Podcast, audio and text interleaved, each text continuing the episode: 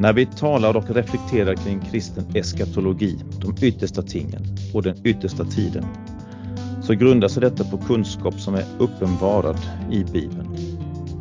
Gud har själv förmedlat något av det som utgör den framtida vägen och målet.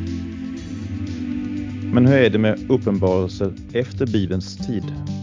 Vilken roll spelar den profetiska karisman i förhållande till eskatologin idag och genom kyrkans historia? Har profeterna någonting med det kristna hoppet att göra? Välkommen till Eskatologipodden med mig, Bo Westergård.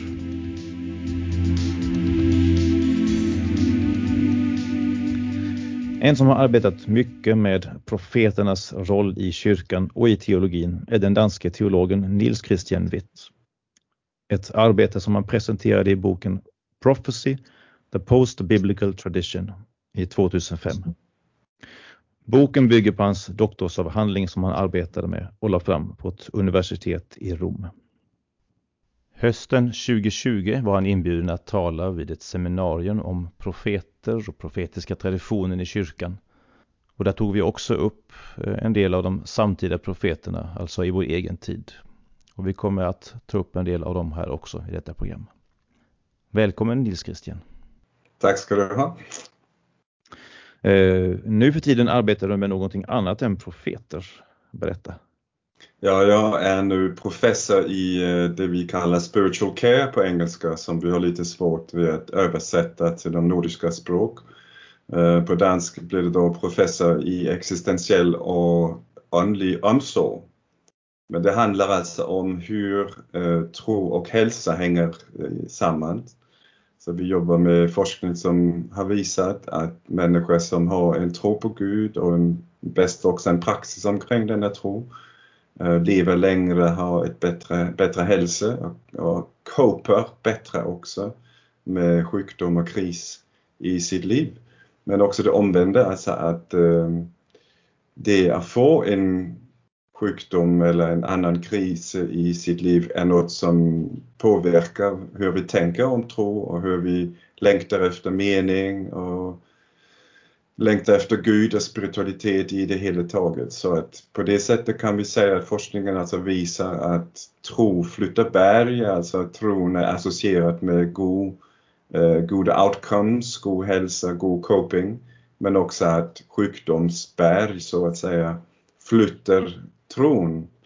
Uh, och det är nog det som jag jobbar allra mest med. Hur påverkas vi människor även i en sekulariserad kontext som den nordiska. Hur påverkas vi av kris och sjukdom eh, existentiellt och andligt?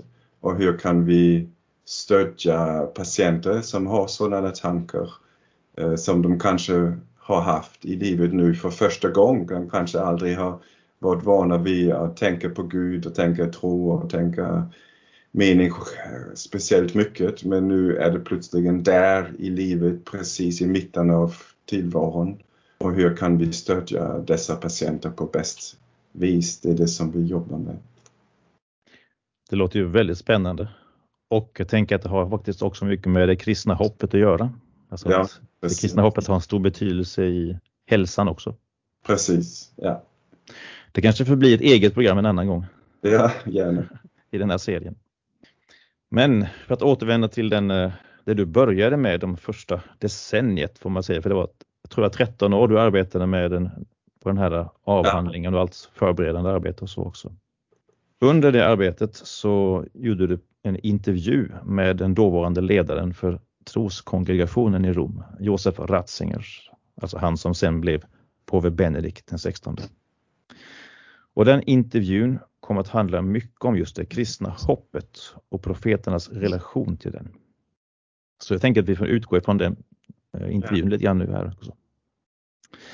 Eh, Ratzinger använde ett begrepp som jag har sett många gånger men det tog lång tid innan jag fick något grepp om det och fick en bild av vad han egentligen menar. Alltså, han säger att kristendomen bär alltid inom sig en hoppets struktur eller en struktur av hopp.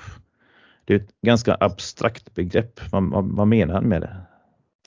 Ja, han tänker ju att eh, kristendomen inte bara ser tillbaka på det som som hände i de gammaltestamentliga profeterna, i då Kristus som den största gudsuppenbarelsen man kan tänka sig där Gud blir människa. Alltså, allt det är ju enormt fundamentalt för kristendomen. Men vi ser inte bara tillbaka på det som hände 2000 år tillbaka. Utan kristendomens grundstruktur är också en eskatologisk struktur eh, och en hoppets struktur för så, så att förstå att vi väntar också på det som ska hända, det som ska komma. Och vi tror på att Gud är med oss i kyrkan, i den heliga anden som ju då är Kristi ande som ska leda oss genom historien. Och det är det hoppet som han talar om, alltså kristendomen som en fundamental struktur som handlar om hopp. Att Kristus har kommit och lovade att han skulle komma igen och skulle vara med sin kyrka i mellantiden. Så det är detta berömda redan men inte helt än som är kristendomens hoppstruktur. På svenska brukar vi säga redan och ännu icke. Ja, just det. Men vad är då profeternas relation till det här hoppet eller profetismen eller vad vi ska kalla det? Jo, jag tänker det är väldigt viktigt för han har absolut rätt ser detta också kanske lite kyrkopolitisk eller teologipolitisk. För att profeterna har ju varit, varit väldigt farliga egentligen. Och eh, det finns ju det gamla eh, motståndet har man väl identifierat i Karl Rahner och andra har pratat väldigt mycket om denna konflikt mellan institution och karisma. Alltså institution och profetism egentligen som på många sätt två motsatta eh, störelser. Eh, två motsatta fenomener eller vad man ska ja, kalla Storheter på svenska. Ja.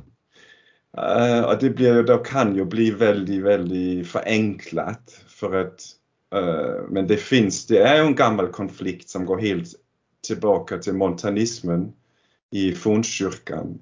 Där det ju hade varit så att profeter var en del av fornkyrkan, var en del av, nästan en del av institutionen Alltså de var ibland de sju tjänsterna, säger ni så på svenska också. Ja, de sju ämbeten som man hade i den gamla kyrkan med apostlar, eh, lärare, evangelister, eh, exorcister, men också profeterna var en del av strukturen helt enkelt i fornkyrkan. Och det gick sönder när då Priscilla Montanus kom Eh, och sa det, det som ni har haft hittills som kristen lärare är ofullkomligt. Det är nu bara med de som följer oss och som lyssnar på den nya uppenbarelsen som kommer med oss som är de sanna kristna. Och där blev ju profetismen satt upp väldigt, väldigt starkt med dogma, alltså med en vidare utveckling av dogmer som inte då slutar med den sista aposteln och inte slutar med den sista boken i, i Bibeln. Man, man, frågar, man kan diskutera när Bibelns kanon blev fullbordad, men det är en annan fråga. Men alltså den, den uh, latente fara att profeter alltid kan komma och ändra fundamentalt vid det som är kristen lära, det blev plötsligen väldigt farligt. Och det skapade ju en, ett schism, det första stora schisma, säger ni schisma, schisma på svenska? Ja, schism, precis. Första jättestora schisma som, som vi hade i, i fornkyrkan i kristendomen, som då blev Uh, som har hänt flera gånger sen, men inte på det här radikalt profetiska uh, grundlag. Och helt tillbaka då till den här montanistiska rörelsen har vi haft en anspändhet mellan institution och profeter och profetismen. Och därför alltså att det finns då detta att profeter kan latent eh, kanske komma och säga något helt nytt och det är farligt. Och där blir då alltså en radikal kritik av profetismen. Om profetismen handlar om att fullständigt göra dogma fullständiggöra Bibeln så att säga, fullständiggöra det kristna eh, den kristna sanning, då vill vi inte ha profeter helt enkelt. Det är ju där att en Martin Luther säger att eh, profeter har inte mera att säga i kristendomen för att Kristus har redan, redan kommit och sagt allt som behövs. Och det är ju helt fundamentalt sant. Han har ju kommit och gett oss den uppenbarelsen har öppnat himmelens portar med sin döda och sitt stora offer, sin uppståndelse. Men, men det ger bara mening att säga så om vi betraktar profeter som de som kan komma och fullständigt uh, fullständiggöra något som ännu inte är fullständigt. Och det säger Ratzinger och det säger jag och det är inte profetismens uh, egentliga uh, natur in i det krist, kristna livet, den kristna historien. Utom profeter ska leda kyrkan genom tiden med de nya utmaningar som kommer in i tiden, hela tiden på nytt. Där har profeterna en jättestor roll i kristendomen, alltså att hålla hoppet levande, men också ibland kalla kyrkan tillbaka till kärnan av uppenbarelsen som är avslutad och fullbordad med Bibeln, med den sista aposteln, med Kristus, hur vi än definierat detta. Så på det sättet innehåller kristendomen en radikal um, hoppets struktur som vi måste upprepa igen och igen. Så om det här är vad profeterna inte är i förhållande till eh, det hoppet, nämligen att de inte kommer inte med någonting helt nytt och de gör inte heller kristna uppenbarelsen fullkomlig. Jag tror det är vårt uttryck för hela. Vad är då deras roll istället? Framförallt i förhållande till det kristna hoppet. Precis. Alltså det är nämligen lite komplext för att det är så helt klart att eh, de kristna profeterna Eh, fogar inget nytt substantiellt till uppenbarelsen som då är fullkomlig med Kristus och den sista aposteln. Eh, och det, denna fullkomligheten av Kristus uppenbarelsen där Gud blir människa, den har ibland översatts felaktigt till eh, uppenbarelsens avslutning. Men det gäller egentligen bara en fullkomliggörelse som är något annat än en avslutning. Så att Kristus uppenbarar sig själv som den som vandrar med sitt folk, eh, Immanuel, eh, som hela tiden ska leda kyrkan djupare in i sanningen. Och där, det är där profeten har sin plats. Alltså inte att fråga, fråga något nytt fundamentalt till det som behövs för frälsning i Kristus, utan mycket mera att eh, vi ledas fram till det som är Kristi ändamål med kyrkan och med mänskligheten. Det är där profeterna har sin plats i hoppets struktur. Men det betyder då inte att profeter aldrig kan säga något som handlar om att förstå uppenbarelsen. Och det är där jag i min avhandling använder begreppet aktualisering. Och där är vi ju inspirerade av John Henry Newman, alltså den engelska kardinal Newman som egentligen var i anglikanska kyrkan men blev katolik och nu har blivit helgon i katolska kyrkan. Han hade denna mycket intressanta idé om en dogmets utveckling. Och det låter ju väldigt kontroversiellt, men det är inte, om man förstår det riktigt, då är det en väldigt fruktbar idé av den kristna uppenbarelsen. Jag tänker att jag får ett litet sidospår i huvudet här nu. Det finns ju i många uppenbarelser genom historien visioner av himmelen, av eh, så att säga, det, som, det som finns på andra sidan. Mm. Um, och då vet man inte hur man ska hantera det riktigt. Ska man bara säga det som att ja, Visst, det är hennes eller hans vision eller som hon har fått eller, så, eller är det någonting som kan fylla på i vår förståelse av vad som väntar oss i det eskatologiska hoppet. Mm, det är ett bra exempel på hur profeterna relaterar till hoppet för att det, allting har ju inte blivit uppenbarat i Bibeln om vad det eviga livet handlar om och hur det eviga livet är. Och där kan ju profeterna ge nya insikter som inte ändrar på substansen men som förbättrar det som vi förstår om Guds uppenbarelse och det eviga livet. Så det är egentligen ett väldigt bra exempel, men alltså detta med eh, John Henry Newmans idé om en utveckling av dogmet. Alltså det handlar inte om att substansen ändras, men vår förståelse av uppenbarelsens sanning kommer vi växa djupare in i. Vi kommer få aktualiserat vårt förstående av uppenbarelsen. På det sättet kan man ju tala om en utveckling Eh, av dogmet. Det tycker jag är väldigt, väldigt fruktbart för då blir dogmet inte statisk. Det blir inte en statisk tradition vi lever i men en dynamisk tradition där profeterna leder oss djupare in i det kristna hoppets sanning och full, fullkomlighet kan vi väl säga. Um, och det kan ju ibland då handla om att vi till exempel hos moderna profeter som Basula Rudén som talar väldigt mycket om en, ett element av den kristna sanning som vi kristna äh, har fallit väldigt mycket bort ifrån, nämligen det kristna, den kristna enheten. Alltså där kommer då, vi har levt med den kristna splittring genom årtusen.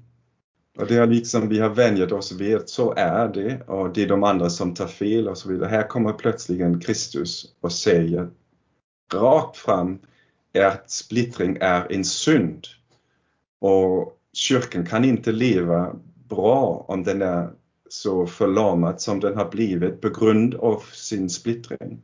Det är inte bara en uh, skönhetsfläck, säger ni det på svenska? Ja.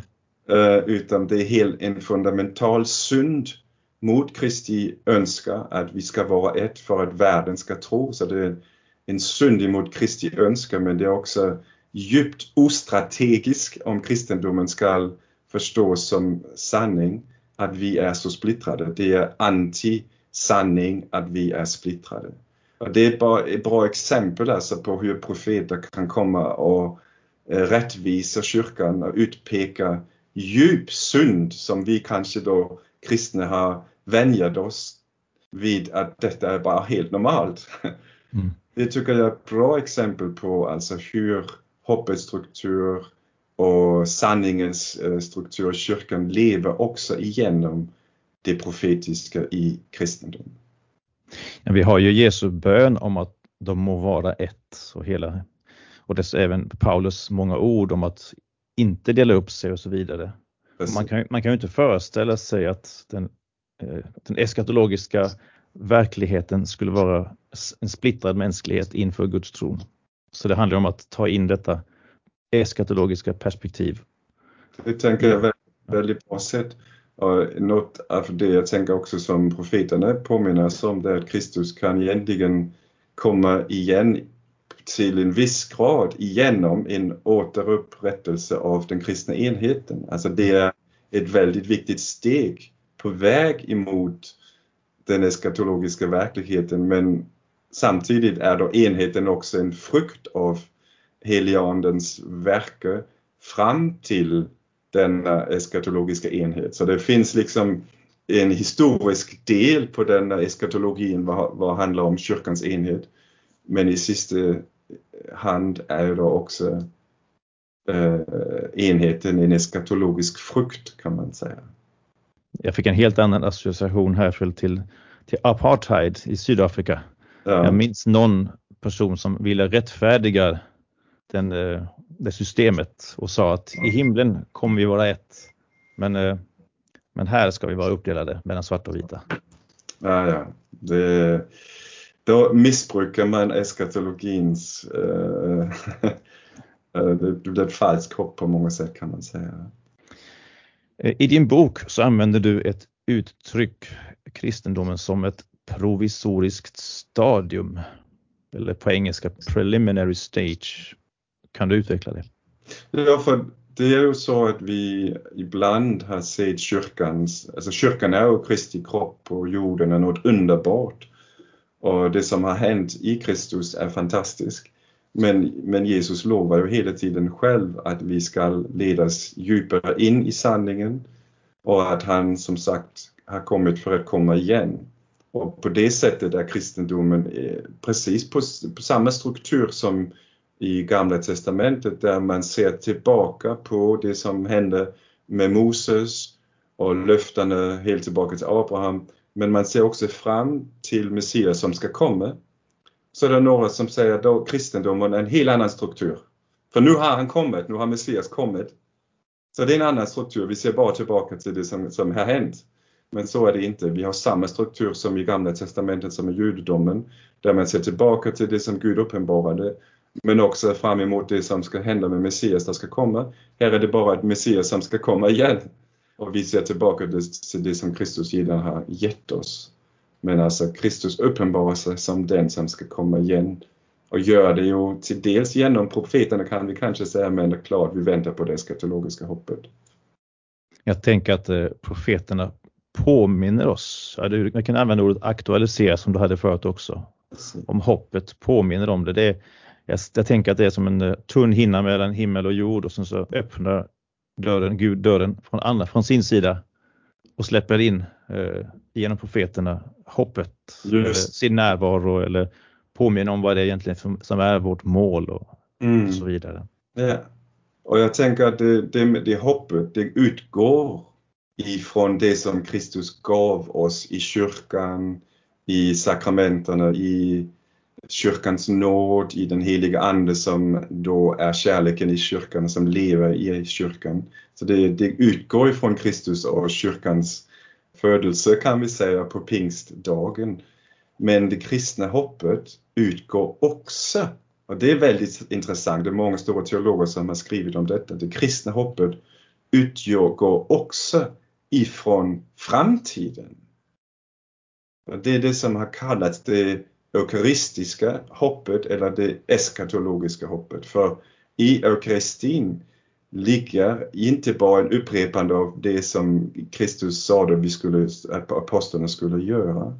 Men i den eukaristiska firandet firar vi också det eviga måltid, den eviga fest i, i himlen. E-, eukaristi det är alltså nattvard. nattvard det, är inte alla som uh, använder begreppet eukaristi. Precis. Där har ju uh, teologen John Ciciolas skrivit en del om det här, eller du tar upp alltså, det i din bok också. Det, det är där jag har det också ifrån, alltså att kristna hoppet utgår också ifrån framtiden. Jag tycker det är väldigt, väldigt spännande, en tanke, väldigt spännande tanke. Jag har använt det i mina predikningar ibland också, alltså att vi, vi minns framtiden. Nattvarden är ett minne av framtiden, inte bara en åminnelse. Åminnelse är ordet, ordet jag använder i nattvarden. Åminnelse av det Jesus gjorde, men också en åminnelse av det som väntar oss framtiden.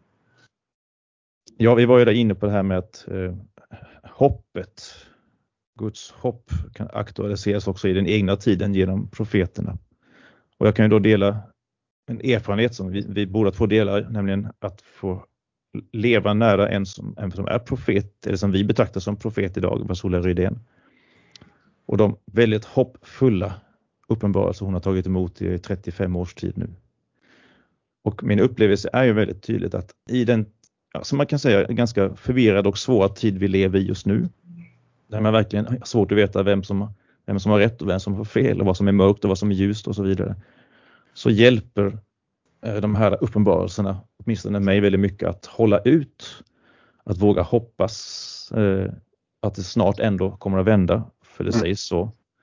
Det hjälper att lyfta blicken lite utöver det som vi det som vi ser, det som vi nyheterna förmedlar och så vidare. Så det som vi ur mänskligt perspektiv inte kan se bortom, det mm. hjälper profeterna oss att se bortom för att hoppet ska hållas, ja, hållas vid liv. Det, det ser jag också på det sättet att eh, om inte vi hade haft eh, profeter i kyrkans historia som hade hållit hoppet levande men också lett oss eh, in på, tillbaka in i sanningen, då hade det varit svårt för kristendomen. Och stora gestalter som Birgitta, den heliga Birgitta, har ju haft en enorm roll i, i kyrkans liv i sin tid, men också moderna profeter som precis Vasula Rydén som du pratade om Eh, på samma sätt eh, är hon ju ett fenomen i nyare kyrkohistoria. Och jag tror hon kommer att ha ett varit, eh, varit eh, historisk impact om vi kommer att se tillbaka i historien. Och det är då speciellt alltså detta att, att det gör en skillnad vad vi människor gör. Alltså en av de sakerna som Jesus säger till Vasula det är att vi ska återförena påskdatumet. Det är ju något väldigt odogmatiskt egentligen. Det är kalender, kalendergymnastik ser vi på danska.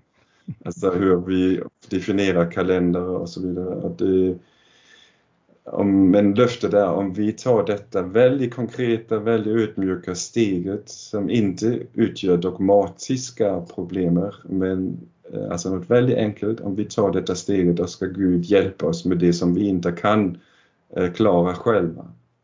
Alltså tänker att det har varit i hela den ekumeniska rörelsen att i 60-talet var det eufori att nu hade Athenagoras, patriarken, träffat påven och nu, kom det, nu skulle det, enheten komma väldigt snabbt. Och då liksom många, många år efter står vi och längtar fortfarande efter detta men så tycker jag det är väldigt svårt och det har kommit flera svårigheter till även om vi då har lärt känna varann som något nytt i kristendomen. Det tänker jag är den stora frukten av den ekumeniska rörelsen.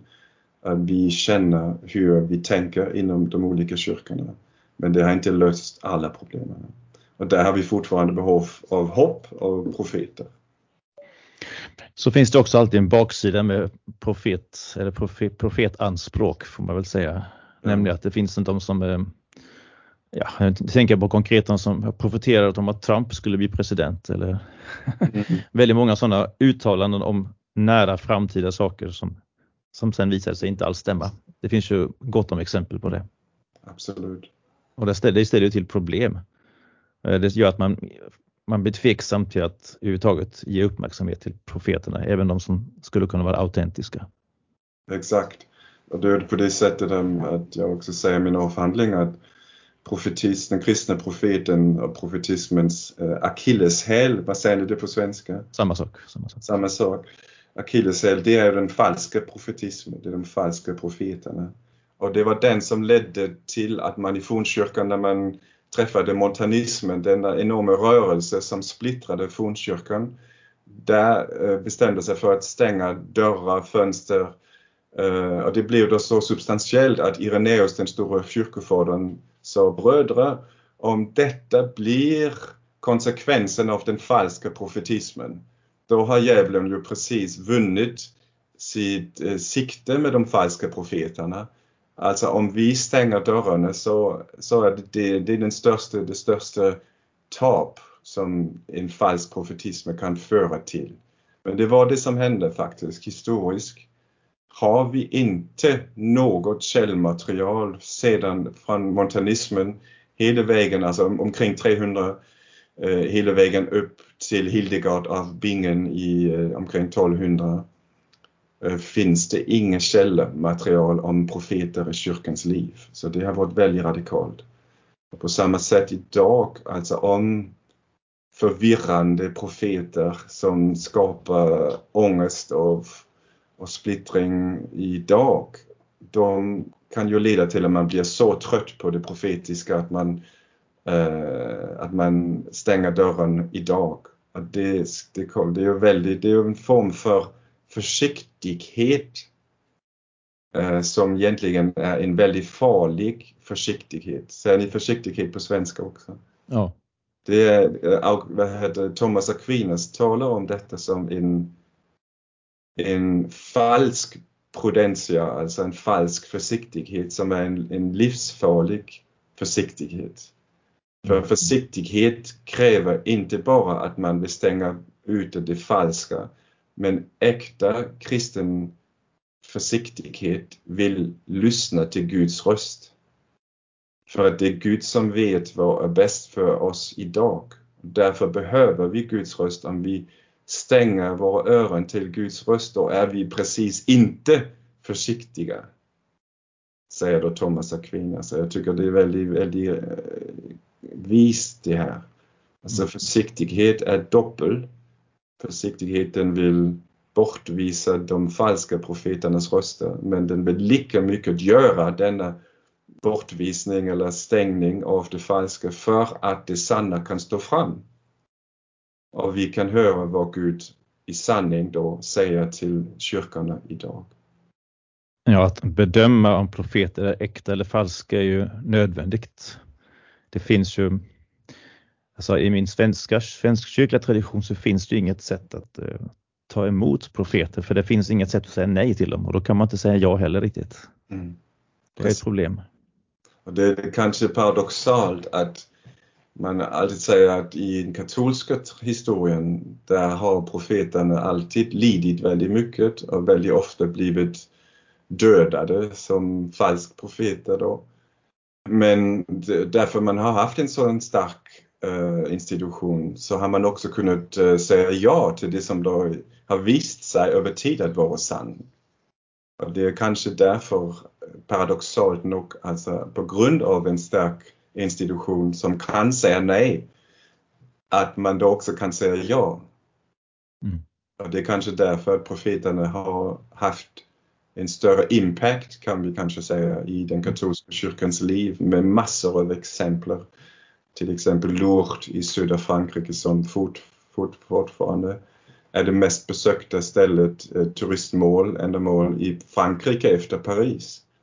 Bara ett litet exempel på den enorma roll som profetismen har haft i katolska kyrkans liv som har att göra alltså med en stark tradition, paradoxalt nog. Det är en intressant paradox verkligen, det är det. Vi vet ju också från pingströrelsen, pingstkyrkorna, eh, där profetismen realiseras då väldigt mycket då ofta som gudstjänst profetism kan vi kanske säga, där alltså profeterna fortfarande talar in i eh, gemenskapen, in i, i gudstjänsten också. Och där är det ju också ett stort dilemma ibland. Vi vill höra vad Gud säger men vi vill inte höra det som inte är det som Gud säger, eller det som Gud inte säger. Där det är en utmaning att eh, ha en eh, skillnad mellan andarna som pågår real time Precis, det är, det är mer komplicerat kan man säga. Aha. Det kräver ett annat sinne att um, kunna känna in det där eller förstå och se det. Ja. Och kanske också innebär det att man inte på riktigt kan ta det som sägs på riktigt samma allvar för att man är inte helt säker på att det inte är ja. kanske. Har du själv några exempel på falsk profetism i vår egen tid? Som du ser i vår tid? Ja, det, det, de finns ju fortfarande idag, eh, inte bara inom katolska kyrkan men och bredare också. Jag tycker ett av de starkaste exemplen från nya tiden som inte bara är obehagliga men som faktiskt är livsfarliga.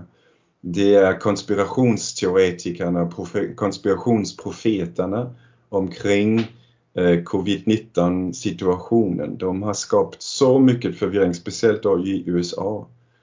Ehm, men också alltså idéer om att, att covid-19 är skapad i ett laboratorium för att ödedestruera människan men att den sanna destruktionen först då kommer att hända när vi börjar vaccinera människor. För med den vaccinen ges på något mystiskt sätt då eh, djävulens in, imprint Alltså att eh, det som profeteras då i Johannes uppenbarelsen att vi ska märkas med djurets märke. På något konstigt sätt skulle detta märke då kunna komma genom en spruta, alltså en, vad heter det, en injektion av en vaccin. Och eh, alltså sådana saker är ju löjliga, tycker jag, i bästa, bästa fall löjliga, men de, det lyssnas otroligt mycket till dem både inom katolska kyrkan men också utanför. Och skapa ångest, skapa splittring i samhället, i kyrkorna och tycker jag sist ändå är, kan vara livsfarliga om all, all för mycket, många människor tar emot dessa idéer och inte låter sig vaccinera, då kan det potentiellt ju vara väldigt farligt för folkhälsan. Det är min åsikt, det är min tolkande, men jag tycker detta är ett bra exempel. Vi har, det har varit helt vansinniga profetier om covid-19 vaccinerna då som djävulens imprint, jag vet inte vad vi ska, vi ska översätta till danska eller svenska. Men eh, det är för mig ett väldigt konkret exempel. Det får mig också tänka på alltså, att många eskatologiska händelser som beskrivs i Bibeln det försöker man ju se i sin egen tid och så har man alltid gjort det i kyrkans historia och läsa in. Man har suttit med Bibeln i ena handen och eh, dagstidningen i den andra och så har man jämfört och sett, aha, vi lever där och vi lever där. Mm. Och jag har undrat lite, eh, inte minst med erfarenheten av att höra till exempel Lova Solas uppenbarelser, om det är tillräckligt med bibeltolkning och omvärldsanalys för att kunna så att säga, se eller tyda tidens tecken eller hur man ska uttrycka det. Um, eller om det också måste till en profetisk impuls. Jag jämför lite med Johannes döparen. Han var ju profet. Mm. Han var samtida med, Messias ankomst, det som var utlovat. Och när, då kunde han som var samtida och profet peka på Jesus och säga, där är han. Nu sker det som skriften talade om. Alltså att det är egentligen bara Gud som kan tyda tidens tecken åt oss. Mm. Det är egentligen en fråga till dig. Ja, men det, Vad tror du om det? Jag tror det är så att um, på ett sätt kan vi till exempel ju tycka att det är oskönt att kyrkan är splittrad. Men kanske behövs det en basulla eller en uppenbarelse, en profetisk uppenbarelse för verkligen att få oss vakna och se hur gräsligt det är att vi är så splittrade, att det är en synd och att det destruerar kyrkan. Alltså dessa enormt stora ord som då ibland kommer genom basulla om det kristna splittrandet. Det, för mig är det ett bra exempel. Alltså vi kan kanske se det inte helt harmonera med några saker i Bibeln men, men det behövs denna profetiska impuls för att vi fattar hur allvarligt det faktiskt är. Och så tror jag det är med många saker. Um, Johannes, vad heter det, um, Karl Rana har skrivit om kristen profeti i, flera böcker och flera artiklar. Och för honom är essensen av kristen profeti inte så mycket kanske hoppets struktur som det hos Ratzinger, men mera att kristna profeter ger ett imperativ in i tiden om hur vi ska handla. Så ett alltså, imperativ. Ett imperativ i historien. Hur vi ska vandra, hur vi ska gå, vilken rättning vi ska ta. Det kan, kan vara bra att, att se det. Det handlar självklart också om hoppet då. Mm. Men det är hans teori att kristen profetism handlar om att Gud ger sitt, sin, rekt, sin, sin riktning i, genom historien. Jag tänker återvända lite till det här med eh, Sola och även andra uppenbarelser i vår egen tid som har ett språk som är väldigt eskatologiskt. Det mm. talas om ny himmel och ny jord. Eh, vid några tillfällen så, så nämns eh, de här sigillen som finns i Uppenbarelseboken, att de bryts, de kommer brytas och så vidare. Och det här är egentligen inte en fråga för profetismen utan egentligen en bibelteologisk fråga men kan man tänka sig att eh, en profet säger att nu sker allt det som står i Uppenbarelseboken? Eller är det någonting i vår tid så är det det här det står i Uppenbarelseboken men det kunde finnas på andra tider också. Mm. Ja, det, vad jag menar? Ja, det är intressant att många profeter, till exempel också Birgitta, profeterade att det, det, det som var skrivet som Johannes uppenbarelsen, det händer nu eller väldigt snart. Så att Guds, Guds snara kanske inte vårt, men det är också frågan om vad är det då, eh, vilken del av eskatologin tror vi på vi lever i? Och till exempel med Basula är det, det är ingen enkel eskatologi som presenteras i eh, Basulas uppenbarelse i sant liv i Gud. Det är in, inte en enkel, det är inte bara Kristus kommer imorgon och så är det hela slut, världen kommer gå under och bum. Det är ju inte på det sättet alls. Utan det är ett jättestort löfte att Kristus har redan påbörjat sin återkomst. Uh, we already feel the birth pangs, alltså vad heter det på svenska? Ja, vi känner födsloverkarna. Ja, just det. Alltså att den heliga ande kommer och vill återuppleva sin kyrka, ska fjärna bort barriärerna för enheten, för vår eh, förståelse av Gud. Så att det presenteras egentligen som en process som på något sätt har redan börjat. Eh, men att det självklart också ska liksom hända stora saker, eh, inte bara kyrkans enhet men säkert också flera andra. Så det, det beskrivs som en process som har börjat och som ska fullbordas och som ska dröja ganska långt, eh, låter det som, eh, innan då Kristi ändliga återkomst. Mm, yttersta återkomst eller yttersta återkomst. Ja, slutliga återkomst kan vi säga. Ja, det är intressant för att man har ju oftast en bild av hur det ska bli. Ja. Och vissa har en väldigt tydlig och enkel bild av hur det ska ske och vidare men det märker man snart att så enkelt kan det inte vara. Och när jag läser både Vasulas uppenbarelse men också de många profetgestalter som finns i vår tid så kan man säga att det finns ett löfte om någonting Mm. nytt, någonting stort. Att eh, Gud kommer snart att segra men att det ändå likväl inte är slutet på historien och så vidare. Och då kan man förstås undra vad är det som kommer? ja. Och det vet vi inte. Vi inte, nej just det. Och också många av de, stö- de stora budskap om en eld som ska komma som ska con- consume the world och så vidare. Liksom, hur ska man förstå det? Man kan tolka det väldigt destruktivt. Mm. Man kan också tolka det väldigt underbart att det är en helig andes eld och det är inte det är ambivalent tycker jag i att tolka det i budskapen vad, vad som är helt konkreta faktiska skeenden och vad som är mer symbolskt talande. Det, det är inte enkelt. Det hade aldrig varit. Det hade inte heller ju Johannes uppenbarelsen. Nej, verkligen inte. Det behövs på ett sätt, eh, faktiskt så blir jag också ibland gåven att, att skilja andarna och kunna utlägga profetismen som en nådgåv i sig själv. Alltså inte bara lä- utlägga, eh, interpretera Bibeln men också förtolka då profetismen. Och kunna skilja också. Det är också detta med att skilja mellan andarna, alltså skilja mellan sann och falsk profetia och presenteras också ibland som en nådegåva som hänger ihop med den profetiska eh, karisman. Mm. Jag tänker nu i förhållande till de samtida uppenbarelserna i- i vår egen tid.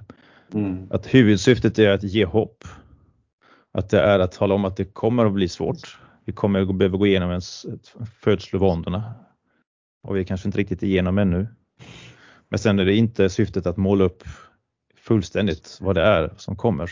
Mm. Men det är som, som med många profetis, profetiska uttalanden så, är, så vet man inte förrän i efterhand. Aha, det var det här det besyftade på. Som med, med Jesu ankomst eh, alltså i inkarnationen.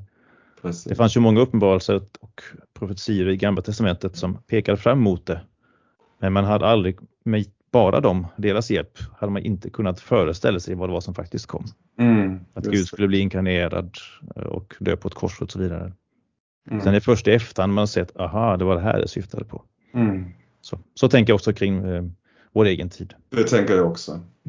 Det är bara ett eftervart att vi kan se hur olika profetier... Och det som också är viktigt är att en profeti om något som ska hända, alltså profeter handlar inte bara om framtiden, men handlar om nu, nutiden mest av allt.